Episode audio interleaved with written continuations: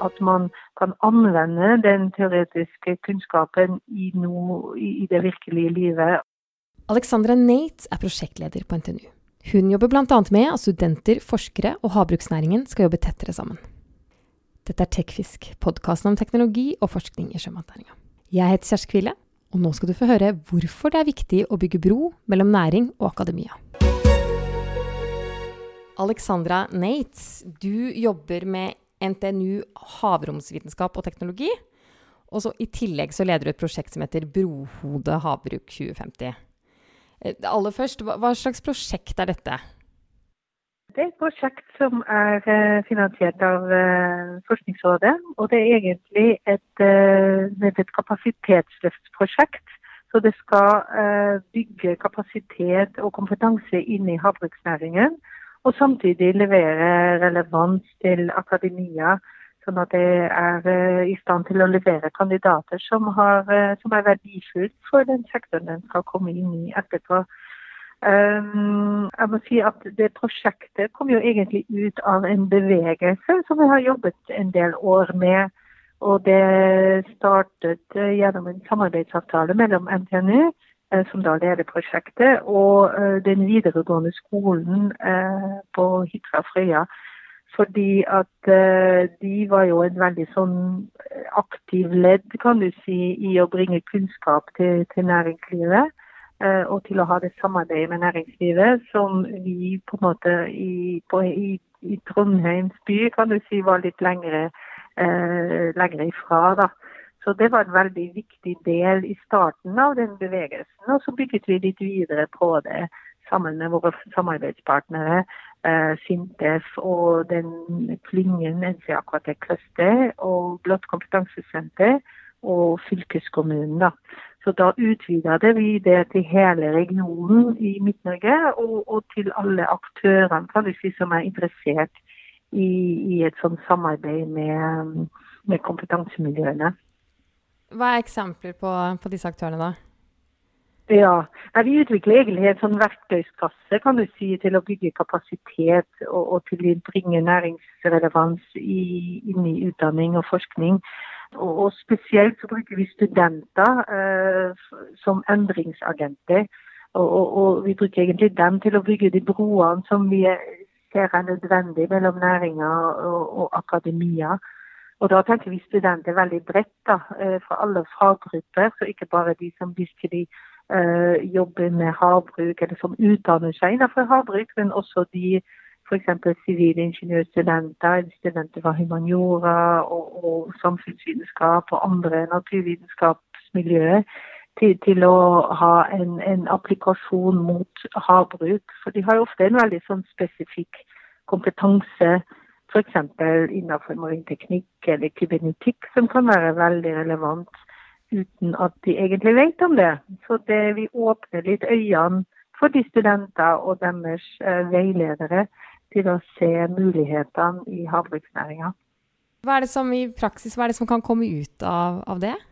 Ja, um, vi har jo uh, en, en, god del uh, kan du si, oppgaver, studentoppgaver, så bachelor- og særlig masteroppgaver, som gjøres da i samarbeid med næringslivet.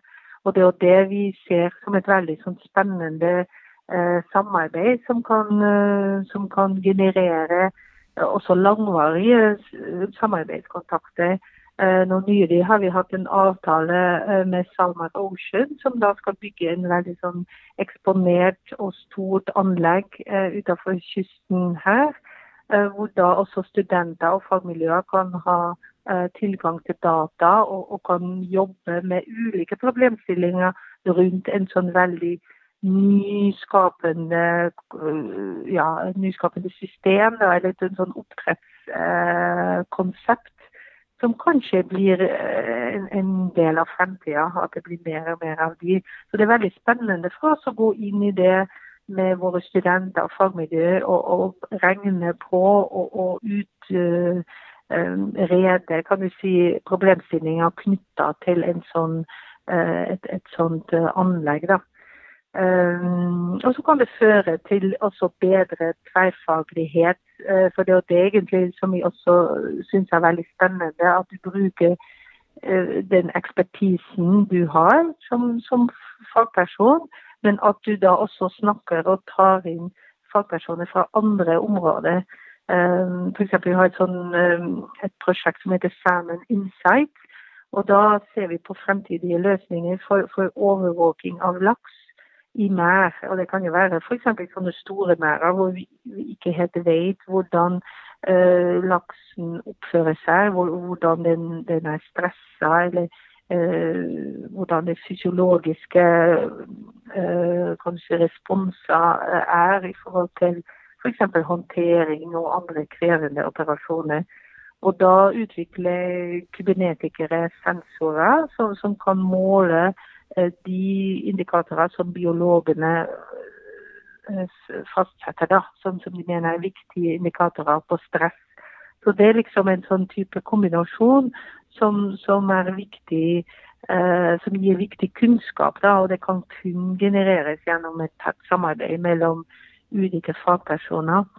Og Da blir det forskere, men også sine studenter, da, som, som da får den den, det innsynet og den erfaringa uh, før de går ut i, i, arbeidslivet, kan du si.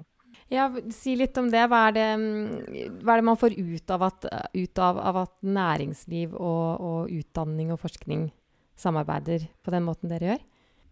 Ja, jeg tror det har veldig mye å si om det med å kombinere teori og praksis.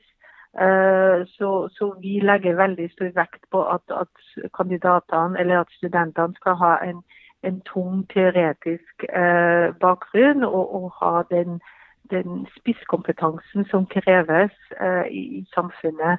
For det går mer og mer mot en sånn eh, kan du si, en, en, en profesjonalisering av, av ulike um, ja, tjenester og teknologier. Da, man trenger virkelig den spisskompetansen. Men samtidig så er det utrolig viktig at man kan sette det i praksis så at man kan anvende den teoretiske kunnskapen i, noe, i det virkelige livet. Og, og, Derfor er vi helt avhengig av næringslivet, og, og at de åpner sine um, ja, sine prosesser, sine hverdagen overfor oss. da. For da blir det, kan man ja, regne som jeg sa, på, på virkelige problemstillinger, ikke bare på de teoretiske oppgaver. Så, så, det å kombinere teori og praksis er jo alfa og omega til å, til å gi, ikke bare til å inspirere studentene, men virkelig til å gi dem en, en, en bakgrunn som er et, ettertrakta. Ikke bare for å komme inn i næringa, men kanskje også for å skape endringer i næringa som, som, er nødvendig i forhold til kostnader, men også i forhold til det miljømessige, det, det, jo for fisk helse og velferd. Så det har veldig mange applikasjonsmuligheter hvor vi ser at det er fortsatt en del eh, forbedringspotensial. Så det er jo spennende. Ja, for hva er det dere kan bidra med som ikke oppdretterne kan eh, finne ut av sjøl? Uh, nei, det er jo akkurat det å komme inn med litt nye uh, synsvinklinger og nye perspektiver. Sånn at uh, i, i næringa har det jo skjedd utrolig mye, og det er veldig mange innovasjoner som har blitt eh, kommet frem av, av næringa sjøl. Så det sier de. De har jo gode, gode, prosesser der. Men de har ikke hatt den, den veldig eh, erfaringa med å få inn folk som, eh, med ulik bakgrunn, kan du si. Så, så det å, å, få inn teknologer og få inn folk med spisskompetanse innenfor veldig eh, kanskje ja, områder som ikke er så veldig tradisjonelt inkorporert i havbruk, det, det tror vi kan, kan, åpne opp for enda nye muligheter. Da. Og det ser vi også en interesse fra næringslivet til å akkurat samarbeide med de miljøene som, som er litt nye, da, og som kan, som kan generere endringer eh, også for dem. Ja, for da var du kanskje litt inne på det når du nevnte kybernetikk. Ja. Kan du ikke fortelle litt hva er det, hva er det og hva, hva kan det bety for, for havbruksnæringen? Ja, så kybernetikk er jo mer kontrollmekanisme. Sånn at du bruker også en del F.eks. det med big data. ikke sant, og, og lage, Ikke bare å, å utvikle uh, sensorer og, og, virkelig måle instrumenter, men at de også kan opptre smart. Sånn at de kan um, fungere og, og, lære av de, av de målingene de gjør da, fortløpende. Sånn at det bare blir bedre og bedre mekanismer over tid. Så gjennom målinger, in virker de på fisk eller i, i miljøet så lærer disse systemene av, av, de dataene, og så kan de forbedre seg sjøl. Så det er på en måte en, en, en viktig input for å hele tida optimalisere prosessene og, og uh, produksjons, uh, uh, ja, produksjonsprosesser. og gjøre dem kanskje mer uh, f.eks. kostnadseffektive også. Vi jobber også f.eks. med robotikk. ikke sant? Det er også en del av det kubernetikkmiljøet å lage roboter som er tilpassa til de operasjoner som, som foregår i, i havbruksnæringa. Sånn at de havbruksnæring eller laks på en måte er den, den problemeier da, som hele tida har en god bestilling til teknologene om hva de trenger å utvikle. Og hvordan har utviklingen vært for NTNU med det å satse på, på havbruk? Ja, jeg tror det har gått for veldig å være veldig sånn biologibasert, som det har kanskje vært i alle de områdene Eller de, de fleste som jobber med havbruk, har jo vært stort sett uh, innenfor biologimiljøene, så virkelig fisken, fysiologien, og det er selvfølgelig utrolig viktig. Men det vi har prøvd å gjøre å utvikle nå, er, er på en måte den, å se på den teknologien på biologiens premisser. Så, så det er virkelig eh, har den koblinga, men hvor vi da NTNU eh, tradisjonelt sett har vært et sterkt miljø på, på, teknologi. Men da mer mot olje og gass, mot maritim næring. Men å bruke den, den, kunnskapen der og den erfaringa vi har fra samarbeid med, med store aktører innenfor maritim bransje, og, og, bruke det inn mot havbruksbransjen. Det har vært litt nytt, da, kan du si. Så, så, vi har jo sett en dreining og en større interesse blant disse teknologimiljøene til, til å også jobbe sammen med, med havbruksnæringa. Selv om det ofte er litt, litt, mer utfordrende, ikke bare fordi havbruksnæringen er på en måte mye yngre og, og ikke har de store aktørene, som f.eks. Equinor og sånn, men, men, mer eh, en, en, en større uh, diversitet i type, type, næringsaktører, og også veldig mange uh, leverandører av, av, av, teknologi og tjenester. Men også at man jobber da selvfølgelig med et, et, et produkt som er levende. Så, så, det er jo helt annerledes enn, enn hvis man uh, skal jobbe med noe ja, mineraler eller olje eller gass. Så, så, det er veldig mange flere hensyn å ta. Um, og det er jo viktig og spennende. Det gjør det jo ekstra spennende da, for teknologer da, å jobbe med det. Fordi det, det, er så mye mer hensyn å ta. Mm. Hva blir det viktigste da, som må skje innen teknologi for havbruk fremover, mener du? Nei, jeg tror det er den dialogen og det å hele tida ha biologien i sentrum. Og miljøen, på en måte økosystemet. Så det er et veldig sånn um, holistisk tilnærming. da, At man, man ser alle faktorer rundt en endring. At man må ta hensyn til det. så Derfor er jo sånne type livsløpsanalyser og, og sånne, sånne prosesser også veldig viktige. da at man eh, optimaliserer hele prosessen og ikke bare én bit av det. For det kan jo ha konsekvenser på, på flere ting enn bare det du sikter til. Sånn, sånn, at man ikke skaper nye problemer ved å innføre ny teknologi bare for å løse én bit av det. Så det må jo settes i helheten hele tida. Men jeg tror det ja, vi har jo sett det allerede med de utviklingstillatelsene. og sånn. Det, det, det, er nye konsepter på gang. Og, og, det er noen som sikkert kommer til å forsvinne, og andre som, til, som, kommer til å ta av. Og Hvis Norge skal fortsette å ha den posisjonen som man har nå innenfor havbruk, så er det veldig viktig å, å være et steg frem hele tida, eller et, uh, helt uh, på ja, i verdensfronten, kan du si, på, på, det med teknologi og på det med å utvikle gode systemer for, uh, for best mulig havbruk. Både kostnadsmessig og, og, miljømessig, sånn at vi kan levere et, et produkt som, som man kan eh, som også konsumentene vil ha. ikke sant? Sånn at, eh, at vi på sånn viser at det er både sunt og, og viktig for, for miljøet. Så jeg tror disse hensiktene er, er veldig viktig å ta også i fremtida, eller enda mer i fremtida, kan vi si. Ja, og, og nevnte du også i sted den samarbeidsavtalen med, med SalMar Ocean som dere inngikk i, i høst. Mm -hmm. eh, og det går jo på oppdrett ute i havet. Hvor stort tror du at det vil bli i fremtiden? Ja, Vi ser jo en dreining at det kommer til å bli større. og Det er jo pga. kanskje den konflikten vi ser da i kystområdene og, og den, det fokuset man har også på det med miljøinteraksjoner uh, av oppdrett. Så det tenker jeg å, å, gå mer eksponert, det løser både at man har uh, ikke de samme utfordringer i forhold til andre bruk av kystsoner uh, fra andre sektorer. og sånn, Og så at man også går enda mer til det naturlige miljøet av en laks. da, Så man har god gjennomstrømning, oksygen, stabil temperatur etc. Så jeg tenker for laksen sjøl òg og for eventuelt andre arter som man kan se eh, etter hvert, så er det viktig, så er det en fin, eh, en, en fin utvikling. Um, så kan man også oppskalere. Det, man har sett det nå med Summer Ocean, at, at, det er lettere å oppskalere når man er ute i havet. Så er det selvfølgelig en del utfordringer i forhold til f.eks. For juss og, og, regelverket, for det er ikke helt tilpassa til å gå så langt ut. Så det er også sånne type samfunnsmessige hensyn å ta som, som er viktig å se på.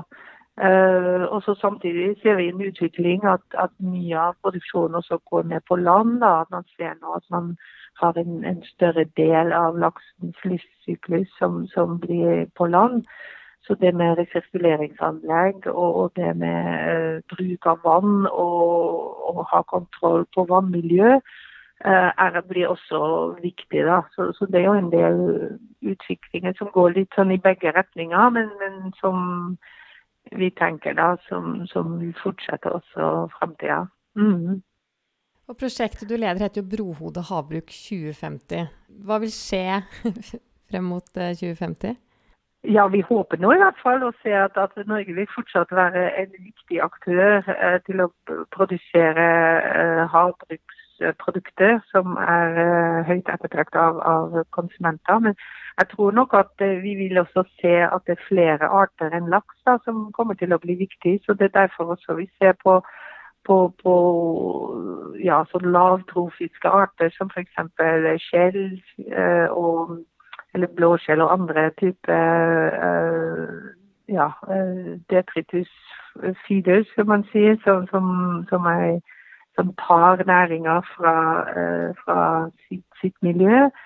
Tar eh, mikroalger, eh, andre arter som kan brukes til fôr, men også til, til, til mat. Det kommer til å bli viktig. Så det er på en måte, tror jeg, en, en, en diversifisering av havbruk som vi vil se og samtidig en, en, økt kompetanse- og ekspertisenivå, sånn at også havbruk kan industrialiseres videre på en, på en bærekraftig måte. Da. Og den internasjonaliseringen vil, vil, sannsynligvis også fortsette. Så det er viktig å holde de gode internasjonale kontakter, både i Europa og, og, og globalt, med, med, andre områder som sannsynligvis også vil utvikle havbruk mer enn det de har gjort uh, per i dag. Jeg tror Norge og vi da skal prøve å utvikle kompetanse, teknologi, som vi kan, eh, at vi, at vi kan eksportere den også. Ikke bare fisken, da, kan vi si, eller, eller havbruksprodukter, men også den, den, kompetansen og den teknologien vi har, eh, som er ganske unik. da. Selv så kommer jeg fra Belgia og flytta her til, til Norge akkurat for, for å se eh, eller for å jobbe i den næringen, fordi det er så eh, unik posisjon da, når man sammenligner med mange andre land. Så man, man skal ta vare på den posisjonen og, og, ja, og forvalte det på en riktig måte. Da. Du har nå hørt på Tekfisk, podkast om teknologi og forskning i sjømatnæringa. Forrige uke snakket jeg med Asgeir Emdal fra Innovasjon Norge om hvordan de finansierer fiskebåtprosjekter. Den finner du på Spotify og iTunes, eller der du vanligvis hører på podkast. Vi høres!